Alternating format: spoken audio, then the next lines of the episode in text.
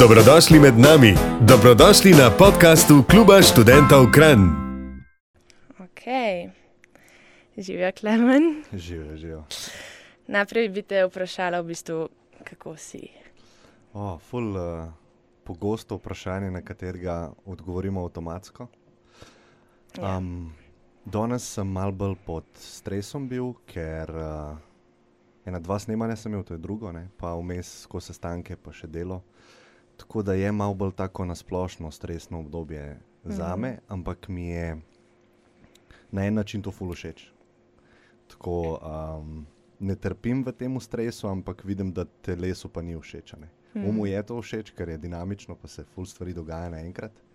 Jaz imam tudi tako osebnost, da mi to paše, ampak vidim, da sem bolj zmatrana, ne? telo je bolj zmatrano. Tako da to je tisto vedno neko iskanje ravnovesja v življenju, med tem, da si produktiven, pa med tem, da počivaš.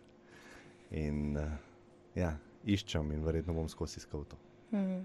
Ful lepo, mislim, se vsi iščemo to ravnovesje. Mm.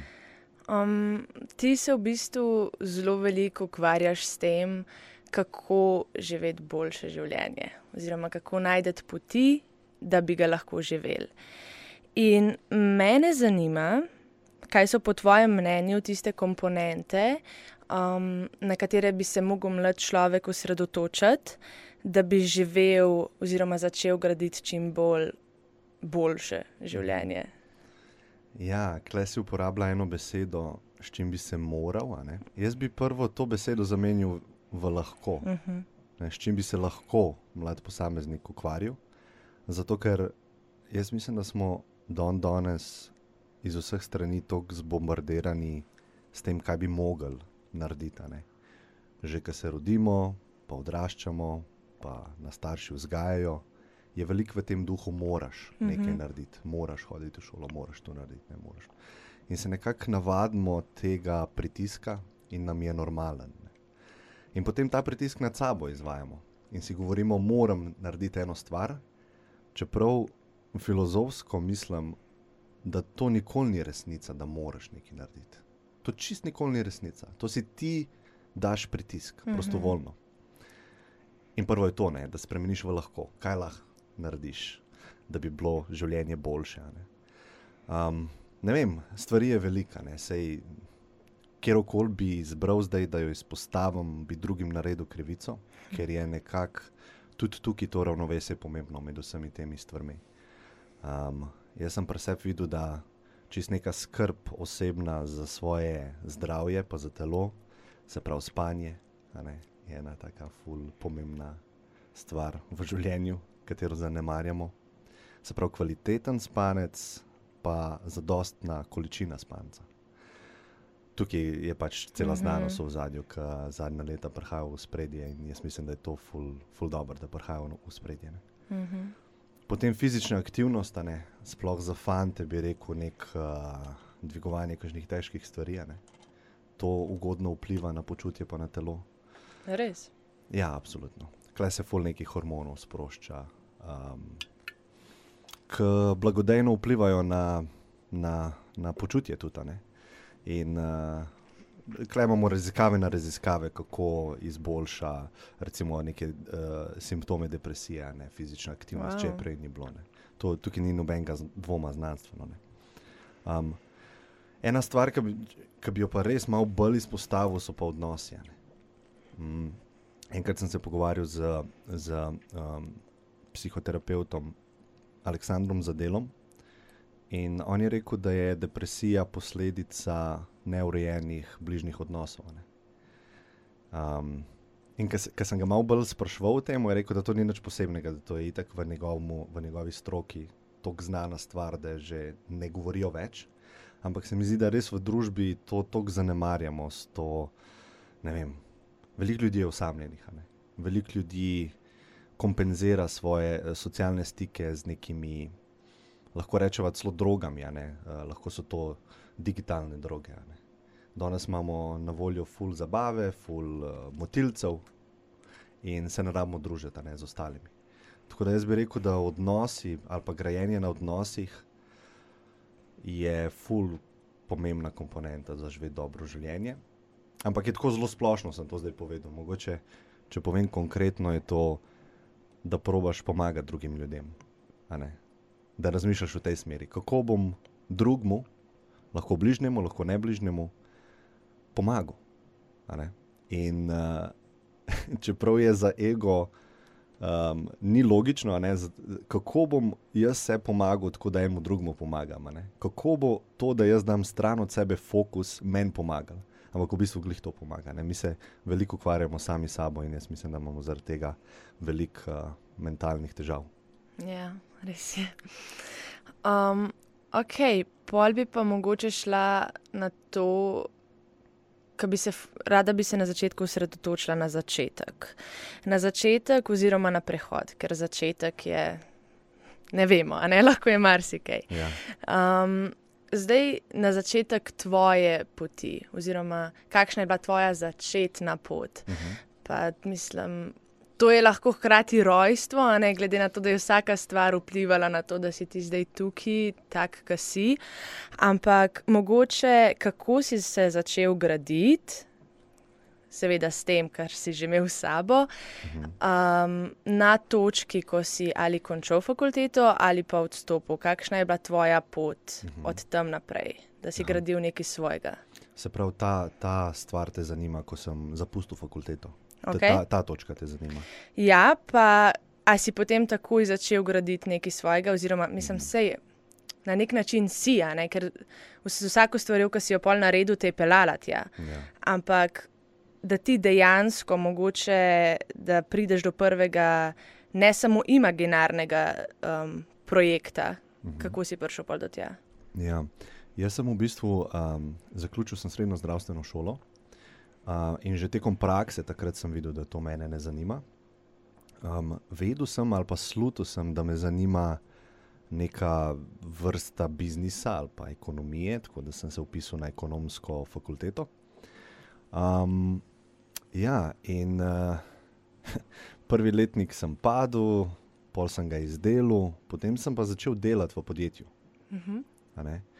In s tem, ker sem jaz hodil vsak dan v to pisarno, pa se učil, pa kalil, sem videl, da veliko več dodane vrednosti, ali pa tako bom rekel, veliko hitrejša je bila moja pot učenja v podjetju, kot v naklopi v, v faksu. Mhm. In potem sem se odločil, da faks pustim. In to je bila, zdaj, ko gledam za nazaj, dobra uh, izbira za me. In uh, potem sem se potopil v poslovne vode. No. Ne vem, kaj ne rečem. Jaz sem v bistvu zagrabil me, je, začutil sem neko strast, za- začutil sem zanimanje, začutil sem, da to želim delati. Delal sem po 16 ur na dan, pa smo delali še študentske projekte zraven. Um, to je bilo kar intenzivno obdobje, tako z vidika dela. ne. Veliko sem tudi, po mojem, obremenjeval telo takrat, ampak Mhm. ko si star 20, 21, 22, telo veliko stvari shendla. ne. In uh, ni mi žal, da sem takrat tok pritisnil na plin, ker uh, me je to katapultiralo v eno smer, ker je pol več te, te hitrosti nisem mogel ustaviti. ne. Mhm. Samo je pol šlo naprej. a ne. Tako da Mhm. priložnosti, um, novi projekti, nova zanimanja. Ne. Jaz sem v bistvu sam temu toku sledil, ki sem ga čutil. In uh, ful sem, ful sem hvaležen in srečen za to, kjer sem danes. In tako, kot si rekla, vsaka točka na tej poti je pripomogla k temu, da sem prišel do te točke zdaj. Ne. In sem za vsako stvar hva- hvaležen. Ne.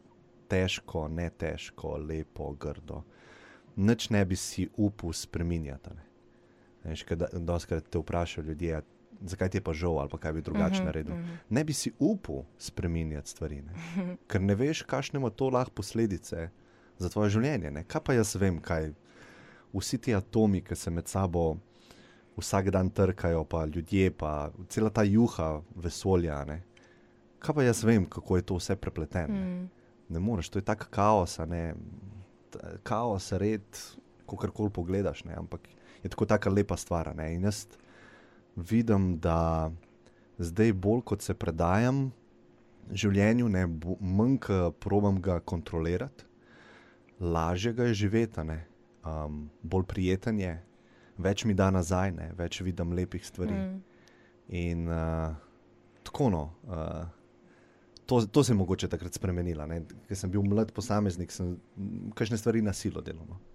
Tako. To sem te hotel vprašati, ker si omenil zdaj to kontrolo. A, a misliš, da zdaj, ko, ko začenjaš nekaj, da je fajn čist spustiti to kontrolo, pa rečeš, ok, ne me pele kamor, kamorkoli, ne me mora pelati, s tem, da se bom jaz skozi trudil oziroma trudila slediti temu, kar mene. Um, drive oziroma mi je všeč. Hmm.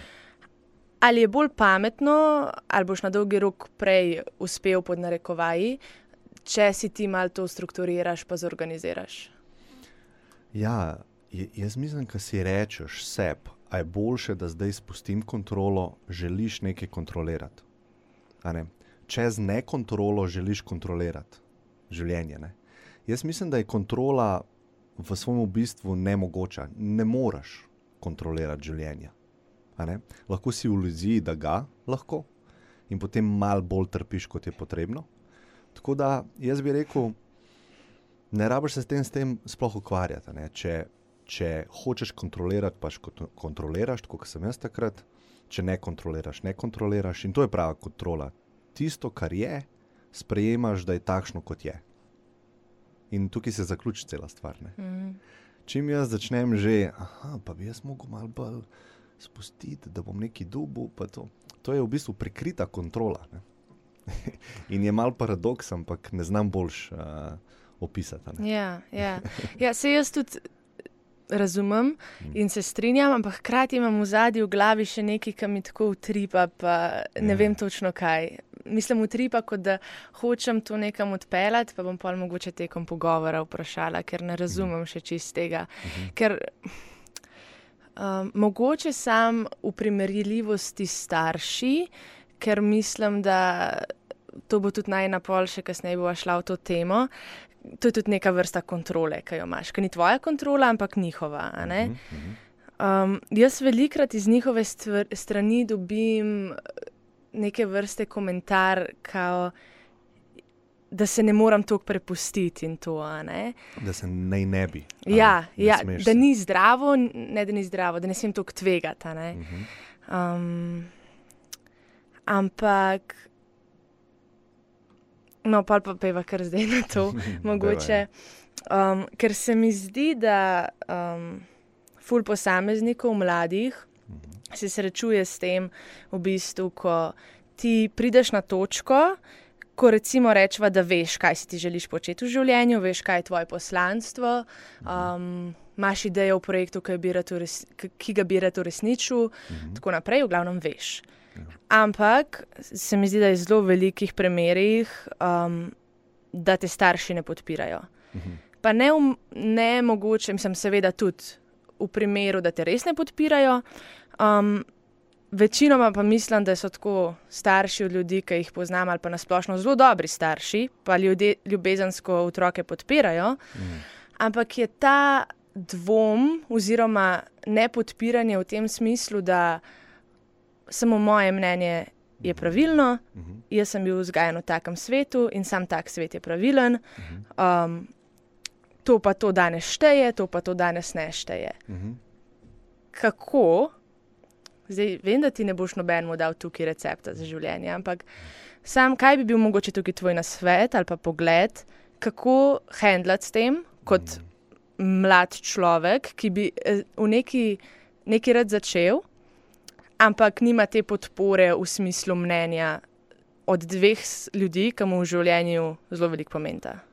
Ja, uh, pogost problem ali pa izziv vsakega posameznika, ki je kadarkoli živel na planetu Zemlja, je, da začne sprejemati odgovornost. Mhm.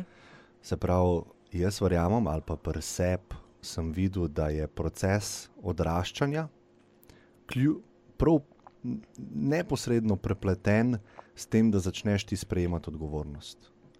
Kaj pa sploh odgovornost pomeni? Ne? To je ful, tako, bod odgovoren, zelo je tak klišej. Ampak odgovornost je sesta beseda sestavljena iz odgovora, ne? pa ost, ki ponovadi v našem jeziku um, opredeljuje neko sposobnost. Ne? Se pravi, to je sposobnost odgovora. Ti si sposoben dati odgovor, zakaj je nekaj tako, kot je v tvojem življenju. In takrat, ko ti ne sprašuješ staršev za odgovor, ali pa ko ne kriviš ljudi zunaj sebe za svojo situacijo, si ti postal sposoben dati odgovor. In ti si postal odgovoren, in ti si začel odraščati. In nujno je za enega posameznika, sploh če govorimo tukaj od 20 let naprej, da gre v ta proces čim prej. Se pravi, da se začenja mentalno, psihološko odcepljati stran od staršev. In jih ne vidi kot tako, kot jih je prej videl, je bo potrebno. Mm. In da začne svet svojim nekako očmi videti, pa samo zavestno stopati. Seveda lahko prosiš za mnenje, prosiš za pomoč, prosiš za nasvet, pa ne samo svoje starše. Katere koli modre, odrasle ljudi, ki, ki so šli, ki so mogoče malo pred tabo na tej poti življenja. Ne. To je nujno potrebno. Ampak jaz bi podaril klej glede te odgovornosti. Mm. Če ti začutiš strast do nečesa, pa se odločiš, da bo šel v to smer, nima toliko veze, kaj tvoji starši rečejo okoli tega. Če boš ti sprejel odgovornost, če to ne bo šlo v dobro smer, tako kot si si zamislil, ti boš nosil posledice. Ti jih moraš nositi, posledice mm. svojih odločitev. In to je sposobnost odgovora, ne? to je odgovornost, mm. ne pa starši. Ne? Če pa se na starše zanašaš, ja, pa, pa pride zraven to, da ti imajo oni pravico reči kakšne stvari. Mm. Primer je, če živiš pri njih. Mm. pa ti oni rečejo, da tvoj dan je strukturiran neoptimalno. Eh, zjutraj, ki diš travo, pol igraš igrice, pol piješ pivo, nimaš punce, nimaš, zdaj govorim bolj za fante, ker je to bolj pogosto. Pa živiš pri njih. Oni imajo vso pravico, da ti, to, da ti stvari rečejo. Mm. Ampak pravim, če pa ti začneš sprejemati odgovornost, se odseliš, dobiš službo, postaviš na svoje noge, pa pa imajo manj pravice. Ne? Tako se osamosvojiš, bi jaz rekel. Ne, ne mm. moreš sedeti na dveh stolih. Ne? ne bi rad, da ti oni karkoli govorijo, ampak še vedno bi rad od njih denar ali pa mm. neko stvar za preživljanje. Ne gre, te dve stvari ne gresta skupaj. Ja, grda resnica. ja, ja. Ampak v bistvu ti pa ful velik da. Ampak zdaj si mi dal spet lepo istočnico um, glede um, te selitve in dobiti službo. Super. Mhm. Ok, prav. Uh, dobiš, mislim, hočeš se odseliti, da boš to vse naredil. Um, zdaj si glih recimo končal faks in bi ti rad šel za svojimi sanjami. Kam vlagati svojo energijo, pa svoj denar? Zdaj, a si ti najdeš en študentski job, pa probaš čim več, ki nima veze s tem, kar ti hočeš, pa probaš čim več denarja zaslužiti, pa je na nek način safe, pa se lahko odseliš. Uh mhm. -huh. V primeru pa, da ti greš za svojimi sanjami, to pomeni, da mogoče še kar nekaj časa ne boš imel stalnega ali pa dobrega prihodka, kar pomeni odseliti se mal škripa. Uh mhm. -huh. um, ampak hkrati pa se, se slediš svojim sanjam, uh mhm. -huh. pa se stalno izboljšuješ uh, v tem, kar želiš biti, oziroma s tem, kar želiš delati. Uh mhm. -huh. Ali je tukaj nek balans? Uh, zdaj, če, če hočemo biti mi dva čist točna, ne bova mogla posploševati na celo uh mhm. -huh. populacijo. Yeah. Se pravi, to je odvisno od primera do primera. Jaz, jaz lahko povem svoje mnenje, ki izhaja iz mojih izkušenj, mojega zornega kota, mojega življenja. In to absolutno ni absolutna resnica. Ne? To je čist moja izkušnja in moj pogled trenutno danes. Ne? Jaz mislim, da pa spet bi rekel, da mogoče malo bolj velja za to za moški spol. Ne vem zakaj, ali pa sem z njim bolj poistoveten, ker sem sam del tega. Um, je, da se čim prej odseliš od doma. Moja močna intuicija mi govori, da je tukaj toliko enih stvari povezanih, toliko enih veščin, ki jih boš ti mogel pridobiti, ko boš postavil se na svoje noge, da boš tako začel nekako rasti ali pa ne vem, kaj si prej rekla, uspeh v tem materialnem smislu, finančnem. Uh mhm. -huh. Se pravi, to, kar smo tudi prej opredelili, se pravi, da se osamosvojiš, pa začneš sprejemati odgovornost za sebe. In potem, recimo, če si to naredil, da si za sebe poskrbel, začneš razmišljati, um, da ta krok odgovornosti malo širiš na vzven.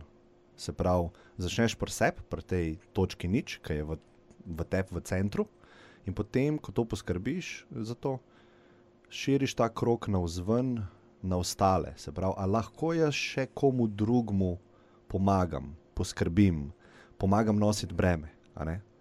In to se mi zdi, da moškega v življenju izpolnjuje.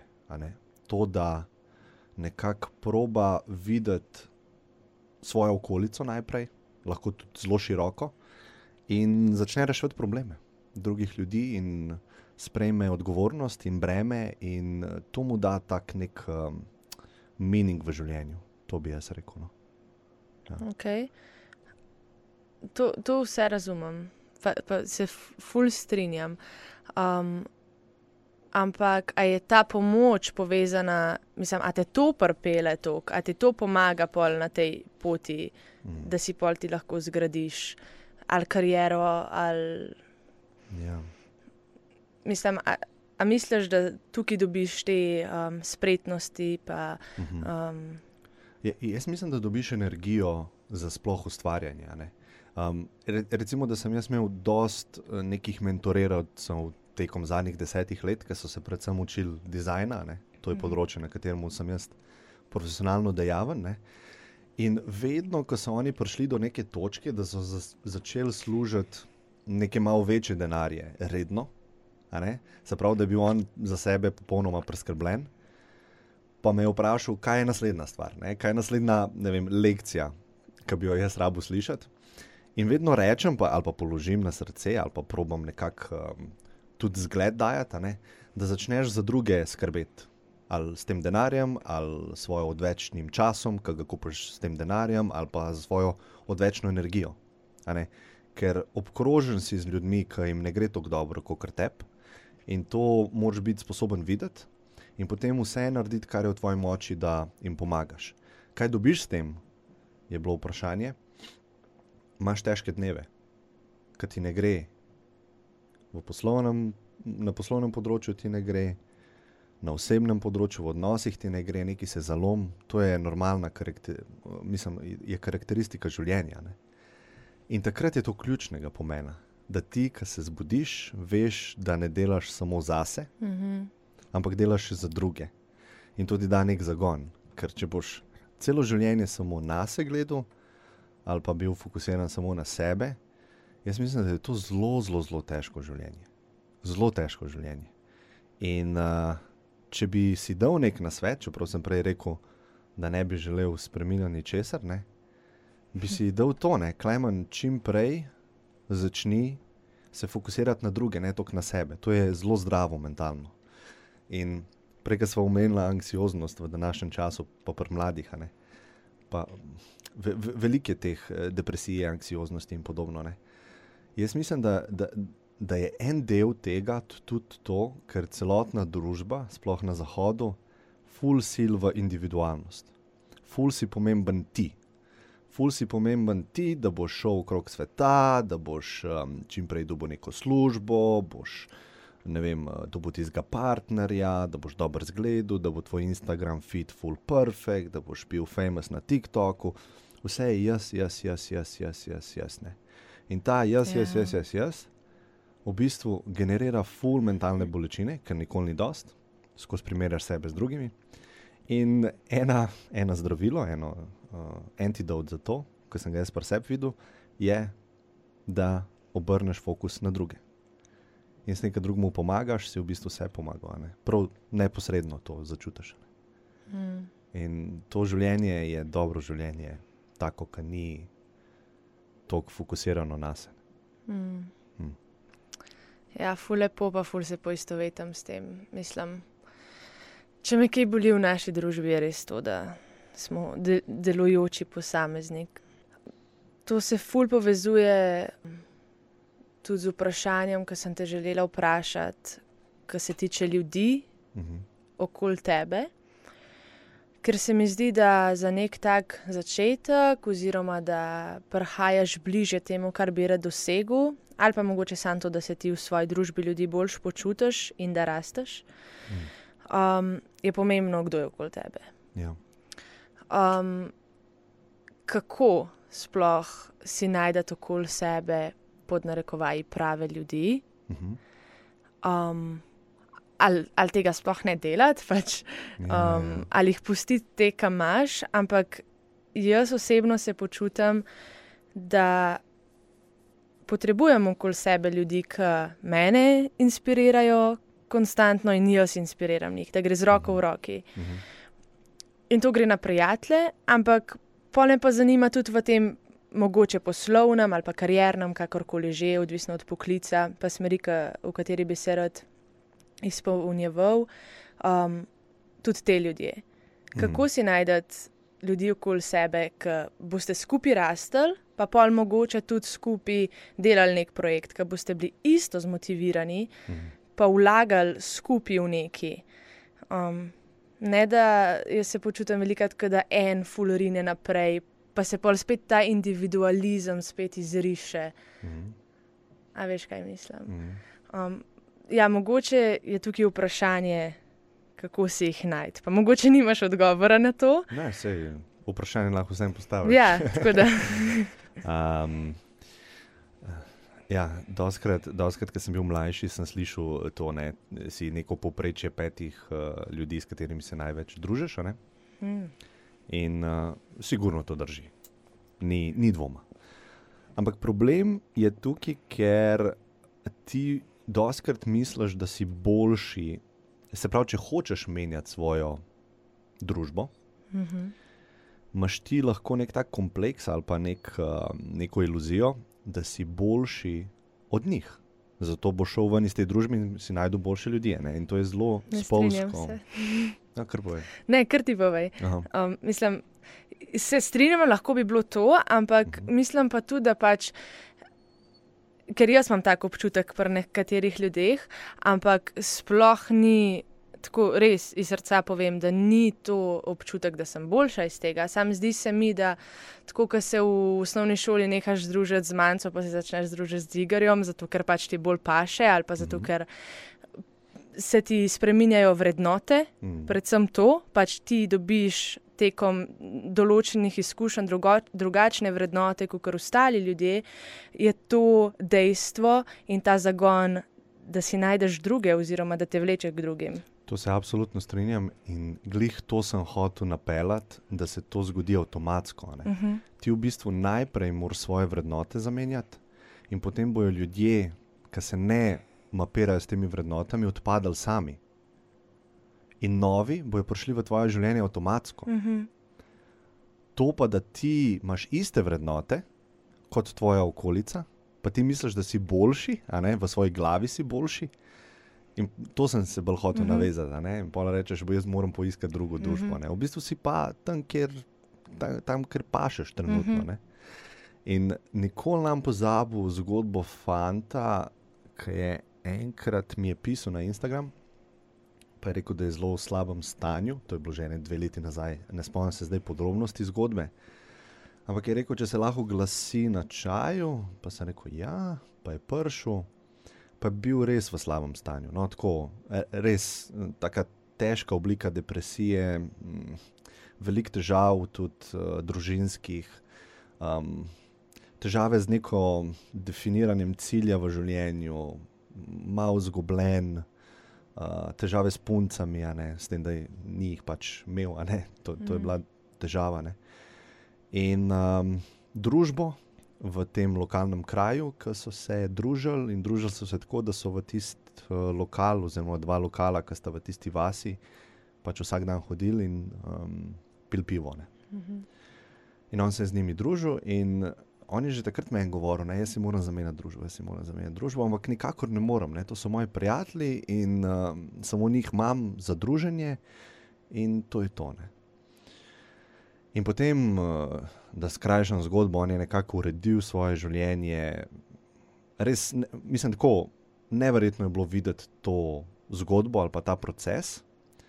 Uh, tudi uh, poslovno je zrihtel stvari, odnose je zrihtel doma, um, začel je malo bolj športati, pa tako, vse še vedno je v nekem procesu, ampak veliko, veliko boljš. In mi je zanč povedal, da so ga ti prijatelji klicali na pivo in da njemu ni bilo do tega. Prvič po petih letih on dejansko ni imel notranje želje iti na pivo. Mhm. Zato, ker se je njegova frekvenca Mm. v glavi zamenjala.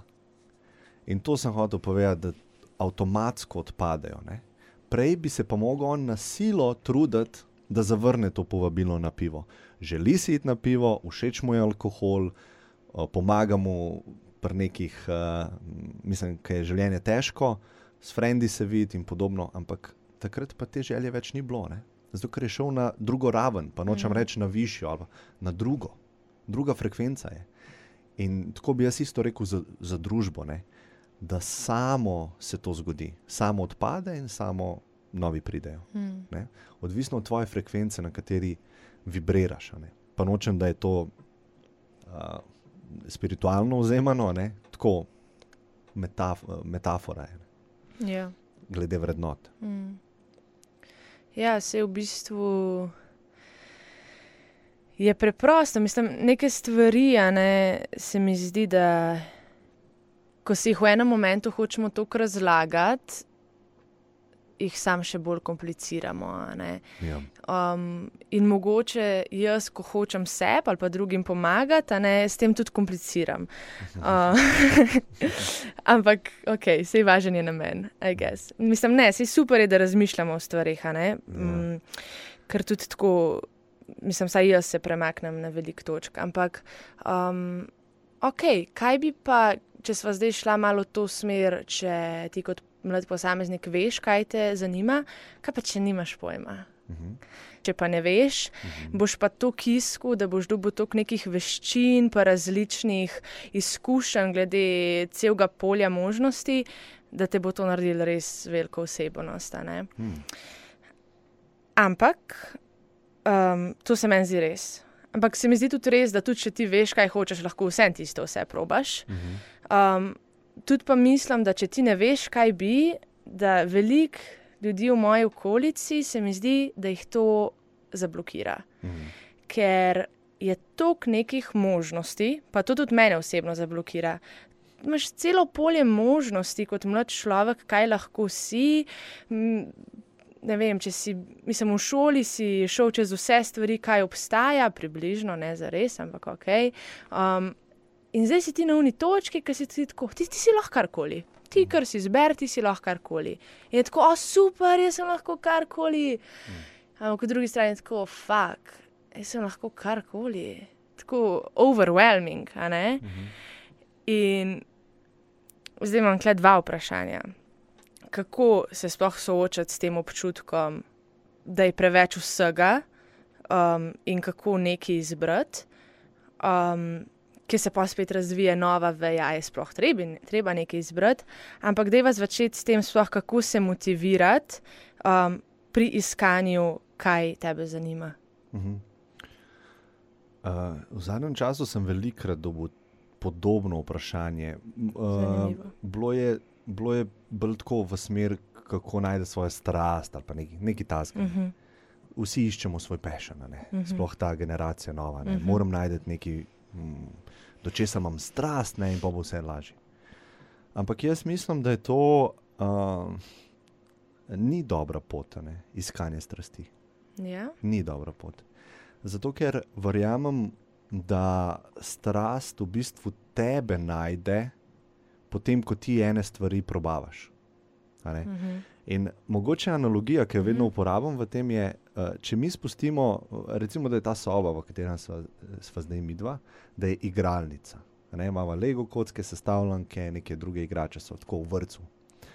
In noter mi dva spustiva enega petletnika in ga snemava. Recimo.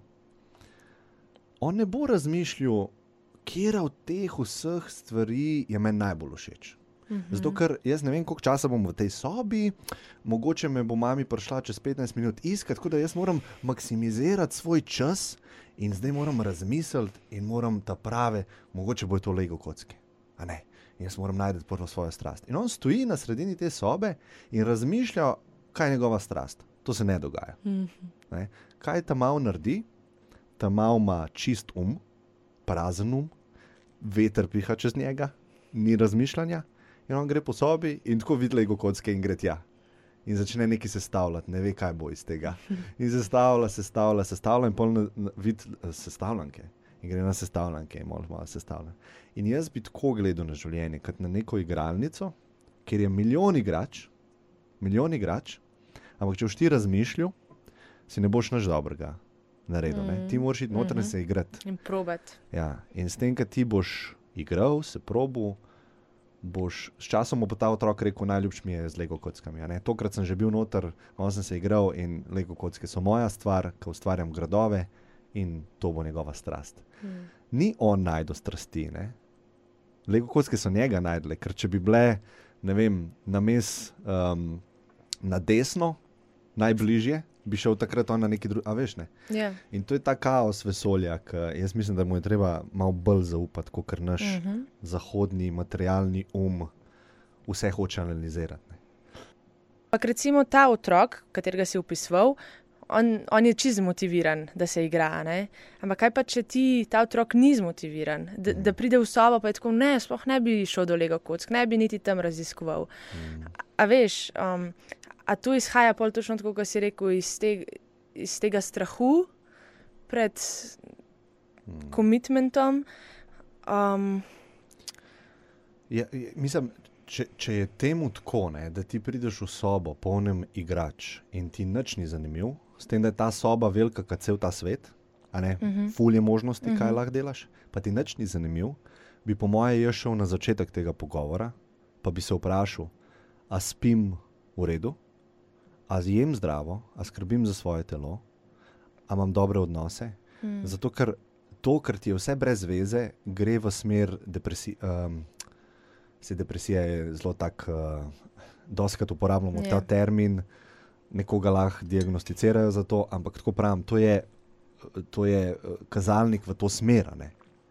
In ta smer ima vedno razloge. A ne vedno. Uh -huh. To je pač nek signal, ki ga telo daje, da nekaj ni v ravnovesju. Ne.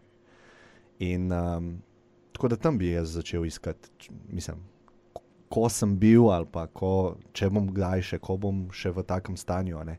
A imam vse fundamentalce, se pravi vse temelje v življenju poštimane. Mm, ne, ker to, da me nič ne zanima v tem svetu, ni pravilen pogled. Ne, to je nek izkrivljen pogled. a ne. mm, Ja, Ker naravno stanje človeka je, da je kreativen, da ga stvari zanimajo. Zato smo vse to ustvarjali, kar vidimo. Ne? To so v bistvu naši predniki, ki so želeli nekaj več ne? in so ustvarjali. In to je naravno stanje človeka, se mi zdi, če je v redu, v balansu. ne. mm. In če, nisi, če nima želje po ustvarjanju, ja, je težava nekje tam. In pol, ko rečemo, da se odločiš za eno stvar, a imaš kakšen, kakšno orodje, um, kako ostati pol motiviran na tem. Ali, ali kaj veš, kaj motivacija je full gor, pol pa začne padati. ne? Um, Ja, seveda. In a mogoče sploh ne gre za to, pa si moraš sam pač v enih trenutkih ali pa delih življenja reči, ok, tu če klej ni motivacije, pa da je tukaj trma, pa delo. Ali je tukaj tudi kak, kakšen trik, da lahko to motivacijo imaš še vedno gor? I, ja, jaz bi rekel, kako jaz vidim svojega zornega kota na motivacijo, je, da je absolutno ciklična. Ne? Se pravi, v nekih obdobjih življenja boš imel full. In to je znotraj enega leta se dogaja. Uh -huh. Ene mesece boš imel več energije, en, ene mesece manj, in vključno motivacijo. Ne? Um, jaz bi rekel, da si probaš takrat, ko imaš malo ekstra energije, da se tega zavedaš, da bo prišlo obdobje, ko boš imel manj motivacije. In začneš razmišljati v smeri, kako si lahko vzpostaviš neke sisteme, neke navade, ki te bodo podpirale v obdobjih, kjer boš imel manj motivacije. Zato, ker navade so tako zelo zanimiva stvar. Ne? Ti v bistvu preden začneš delati neko stvar, recimo, da se odločiš, zjutraj bom ne. Mm. Ti rabiš veliko energije, ti rabiš veliko motivacije, energije, motivacije, da narediš to akcijo. Sprav, moraš se prav prisiliti, ker to ni v tvoji navadi, da greš zjutraj laufati. ne. In potem po enem mesecu, ne, to so tudi znanstveno, uh, fully dobra knjiga uh, The Power of Habit, Okay. uh, je bila tudi full, uh, full prodajna knjiga, meni deset let nazaj. Um, ker ravno ta proces opisuje, da je najprej ta odločitev v enem delu možganov in za to odločitev je potrebno več energije. Po nekih 30-40 dneh, ko eno stvar ponavljaš, se pa pospravi v drug del možganov, ker ti ne rabiš več energije, da jo narediš. Mhm. In vsi imamo to izkušnjo z Mhm. umivanjem zob. Mhm. Ti v bistvu, umivanje zob je navada za večino nas, in ti ne porabljaš absolutno nič mentalne energije zjutraj, da si umiješ zobe. In ti ne rabiš motivacije, da si umiješ zobe. In včasih, kakšne dneve imaš manj motivacije, kakšne imaš več, ampak vedno si pa zobe umiješ. Zato, ker je to v tvoji navadi, da zjutraj, ko vstaneš, ko imaš rutino, da si umiješ zobe.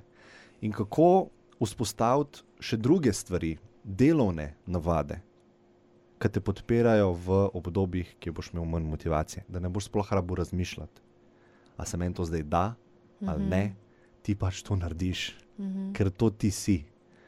Ti ne rabiš se odločiti več. To se samo izvaja. Samo greš na fitness, um, samo od sebe štiri ure na dan globoko delaš. In take stvari si vzpostaviš. Se pravi, kaj pol je, da ti nekaj časa moraš sam to ponavljati, pa da v tistem obdobju Tako se bolj no. trudiš in potem to pride v kri. Tako je. način. Ja, ja. Jaz bi rekel, takrat, ko imaš viška motivacije, vzpostavljaš navade. To, točno to. Ja. Ja. In uh, pol navade imaš in jih lahko še dodajo, še nove. In pol, kar naenkrat vidiš, neki uspešni posamezniki se doskrat sprašujejo ljudje, pa kako lahko on vse to. a ne. Mhm. Zato, ker ima toliko navad Mhm. in on ne porablja nič energije za to. Ne, to se samo kar izvaja. Ne? In tako je, po mojem, biti uspešen, ne? z neko lahkotnostjo greš čez življenje, z navadami, ne pa s konstantnimi odločitvami, filozofiranjem, iskanje strasti, razmišljanje, pogovarjanje. Ne, tudi vse jemlje mentalno energijo. Ne? Ja. No. Um, še eno vprašanje sem dobila, mm, ki je- ki se ne tiče mene, ampak mislim, da se veliko, uh, prav zdaj specifično študentom s tem vprašanjem vsakodnevno sooča. Je, zakaj jaz nekaj študiram, um, pa me ne zanima, pa vem, da tega ne bom delala v prihodnosti. Um, kakšno je tvoje mnenje na to? Oziroma, kaj bi ti tej osebi rekel, da bi, mislim, kaj je poanta, ona se sprašuje vsak dan, zakaj jaz to delam, mogoče pa na koncu sam zaradi tega, da bo dobila diplomo. Mm, kakšno je tvoje mnenje glede tega? Um, kakšno vrednost ima to, da toliko časa vlagaš energijo v to, ker je še ta energija tako um, ne zares fokusirana? Um, in kakšno vrednost ima diploma, po tvojem mnenju, dan danes? Sprav, ta oseba se sprašuje, zakaj to študiram. A? Ja, pa ja. tega noče delati v Ja. prihodnosti. Ja, po mojem, si mora ta oseba odgovoriti na to vprašanje. Sam to pa jaz ne, ne morem zdaj odgovoriti za, Za njo, osebo. ja, oziroma ker njega. Ne vem, kdo je. Ne? Ja, se to, ampak To je dobro vprašanje, da si postaviš. Ne? Ja. Super, ampak mislim, da si veliko ljudi v taki situaciji ne zna odgovoriti, da, da, da so zgubljeni, da ne vejo, kam iti. uh -huh.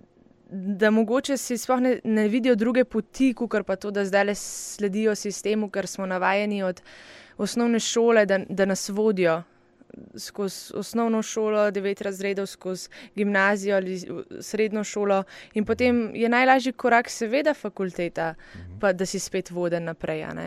Ampak mislim, se to sva tudi že prej omenjala, pri tej, ki je toliko možnosti, pa izgubljenosti. -huh. Mislim, Meni se že tako mal svita, da spet pol prihaja na začetek pogovora, da naprej zrihtaš preseb oziroma z odnosi, pa res svojim um, načinom življenja. Ja, ampak tukaj bi zelo resno poudaril to, da si odgovoriš na to vprašanje, ker je dobro vprašanje. Zakaj delam to, kar delam? Uh -huh. Pa je lahko to faks, pa je lahko to služba, pa je lahko to karkoli. Zakaj pijem, zakaj kadim, zakaj kadim travo, zakaj se druge. Vsaka akcija, za vsako akcijo je koristno, da si postaviš vprašanje, zakaj to delam. In to se postaviš vprašanje, zato ker si lahko samo tako lažje, bolj iskren. In jaz mislim, da tukaj manjka samo iskrenosti. Sej ti si lahko odgovoriš, zakaj to delam. Zato, ker hočem zadovoljiti starše, uh -huh. ker me je strah, ker ne vem, kaj bi bila alternativa. Vse to so dobri odgovori.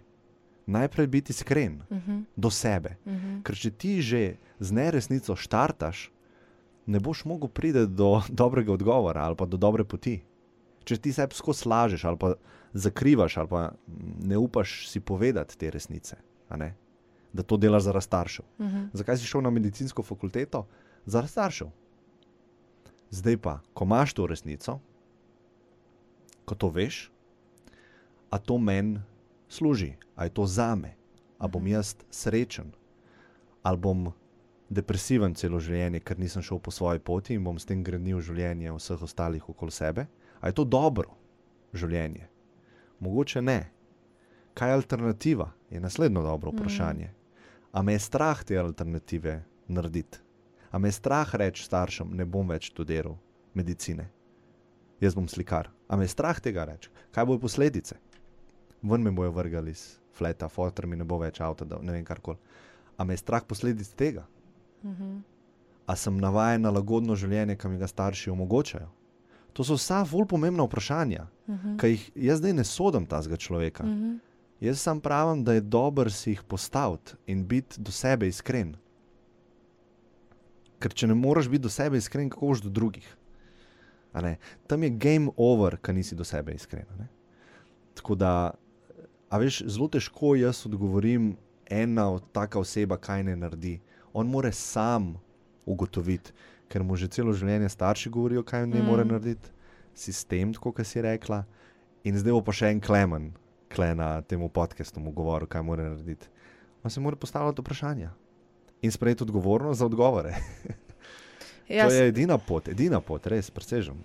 Ja, sej, to sem v bistvu tudi eh, želela slišati od tebe. Pač, ne, naredi to, pa to, pa evo, rešena si, super. Mm. Ne, točno super si odgovoril, ja, da pač um, se odgovori na vprašanje. In mm, najbolj, ja, ful je težek ta korak odgovarjanja iz iskrenosti, ampak se mi zdi, tudi ful zapleten korak. Mm. Potem, ko imaš odgovor, ne? ker si hkrati tako mal plavaš, ne? ko si Ja. ja. mlad. Um, Druga, druga stvar, ki sem jo vprašala, če se prav spomnim, je vrednost neke diplome. Mm Mhm. -hmm. kako. uh -huh.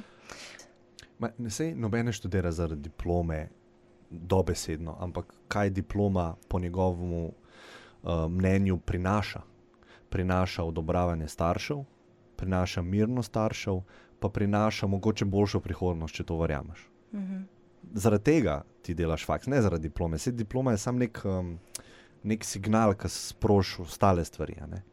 In uh, gl splošno, glede diplom, je tako, nek, za nekatere poklice, pa industrije, pa sektorje, je pač nujno potrebna. Valjda. Ti, če hočeš biti srčni kirurg, ti ne moreš pač brez diplome tega delati. Mm. Never. In to je realnost. Mm. Zdaj, za te, ali pa za nekoga, ki gre na ekonomsko, pa hoče biti podjetnik, je pa to obratna zgodba.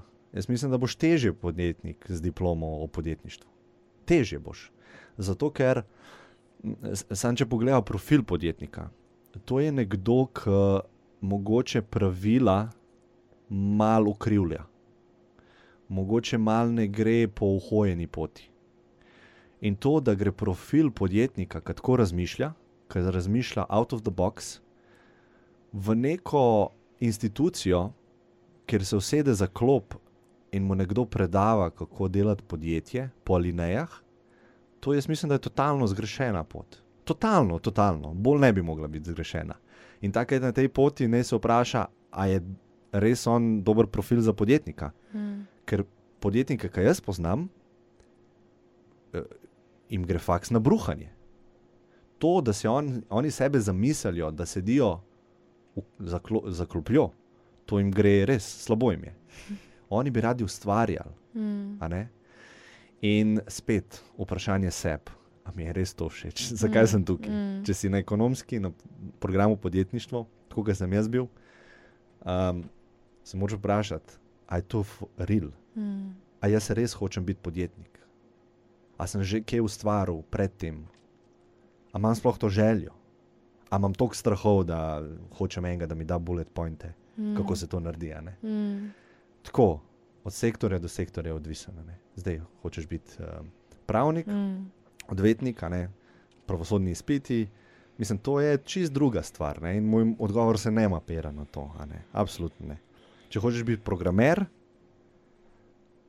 vsi vemo, da ne rabiš fakultete. Noben na trgu dela, ki išče programerja, te ne bo vprašal po diplomi. Noben. Mm. Ker to ni pomembno. Mm. Pomembno je tvoja znanja, skilsi. Kakšno dodano vrednost lahko ti preneseš čim prej podjetju. A Ne, tako no. Okej. Uh, odvisno. Diploma je pomembna, odvisno. Ja, Ja. se strinjam. Mm, ful velik eh, misli mi šviga po glavi. Um, um, mal sva že dolga, jaz bi se še kar pogovarjala s tabo. ja, hvala. ja.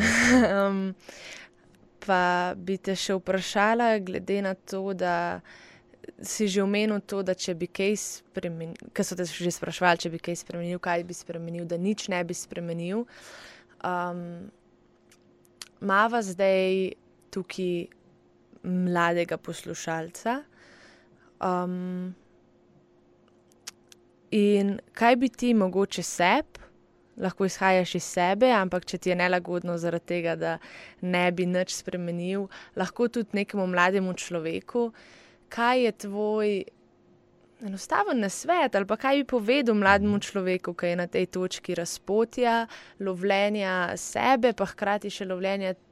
Tega, da mora biti odgovoren, kot si rekel, pa da bi šel rad za svojo, svojim srcem, to, kar ga zanima, pa z vsemi izzivi, ki pridejo naproti. Kaj je, kaj je nekaj, kar bi mu rad povedal, ali pa v tistem momentu, ko si bil ti na tem razpotju, kaj je nekaj, kar bi si želel slišati, mogoče od enega mentorja ali pa od sebe, pa tega nisi slišal. Ja, eh, nekaj je, kar nisem slišal, veliko stvari sem slišal, veliko nasvetov sem slišal, um, enega pa nisem slišal, ki bi ga jaz dal, in to je, da ne poslušaš nasvetov. Um, in to mislim fur resno. Vse, vse, kar sem jaz danes povedal, vzameš zelo, zelo, zelo tako pavšalno Mm. in začutiš, kaj pa ti misliš o tem, s čim se ne strinjaš, kaj je tvoja izkušnja, kaj ni tvoja izkušnja. In oblikuješ neko svojo zgodbo življenja, ki bo sam tvoja. Noben, ti, noben nikoli v zgodovini ni imel take izkušnje, kot jo imaš ti, pa kot jo boš imel ti. Mm. Pa noben je nikoli več ne bo imel. To je unikatna stvar. Mm. Vsaka sekunda, ki jo imaš, vsaka sekunda izkušnje, je totalno unikatna stvar v vesolju. Noben nikoli ne bo imel več take izkušnje in je ni imel. In da zaupaš malo bolj sebi, istočasno pa sebi tudi ne zaupaš, zato ker moraš paziti na ta balans, da te ego ne poje, a ne da misliš, da, si, da vse veš. Mm. Ampak istočasno pa zaupaš se, pa ne. Tako, da kle stojiš na nekem balansu, ne, med tem, da si popolnoma zaupaš, pa tudi dvomiš v sebe, po svoje besede, ki se pojavljajo v mislih. Um, ja, ne zaupi na svetov, nobenim ali pa tako. Mm. Hvala, ful. Ful se zdaj ganjeno počutim, glede na to, ker se mi zdi, da jaz se ful počutim, da moram stalno dajati neke odgovore, ali pa tudi pri svojih mentorjih, da vedno pričakujem, upr, um, se pravi, ko zastavim vprašanje, da vedno pride nazaj odgovor. ne. In pred nekaj časa sem dobila enega plesnega mentorja, ki je enostavno rekel: Ne vem, pač ne vem. Ali pa je on sam sebe sprašoval vprašanja in je bilo to lepo, ker eh, noben ne ve.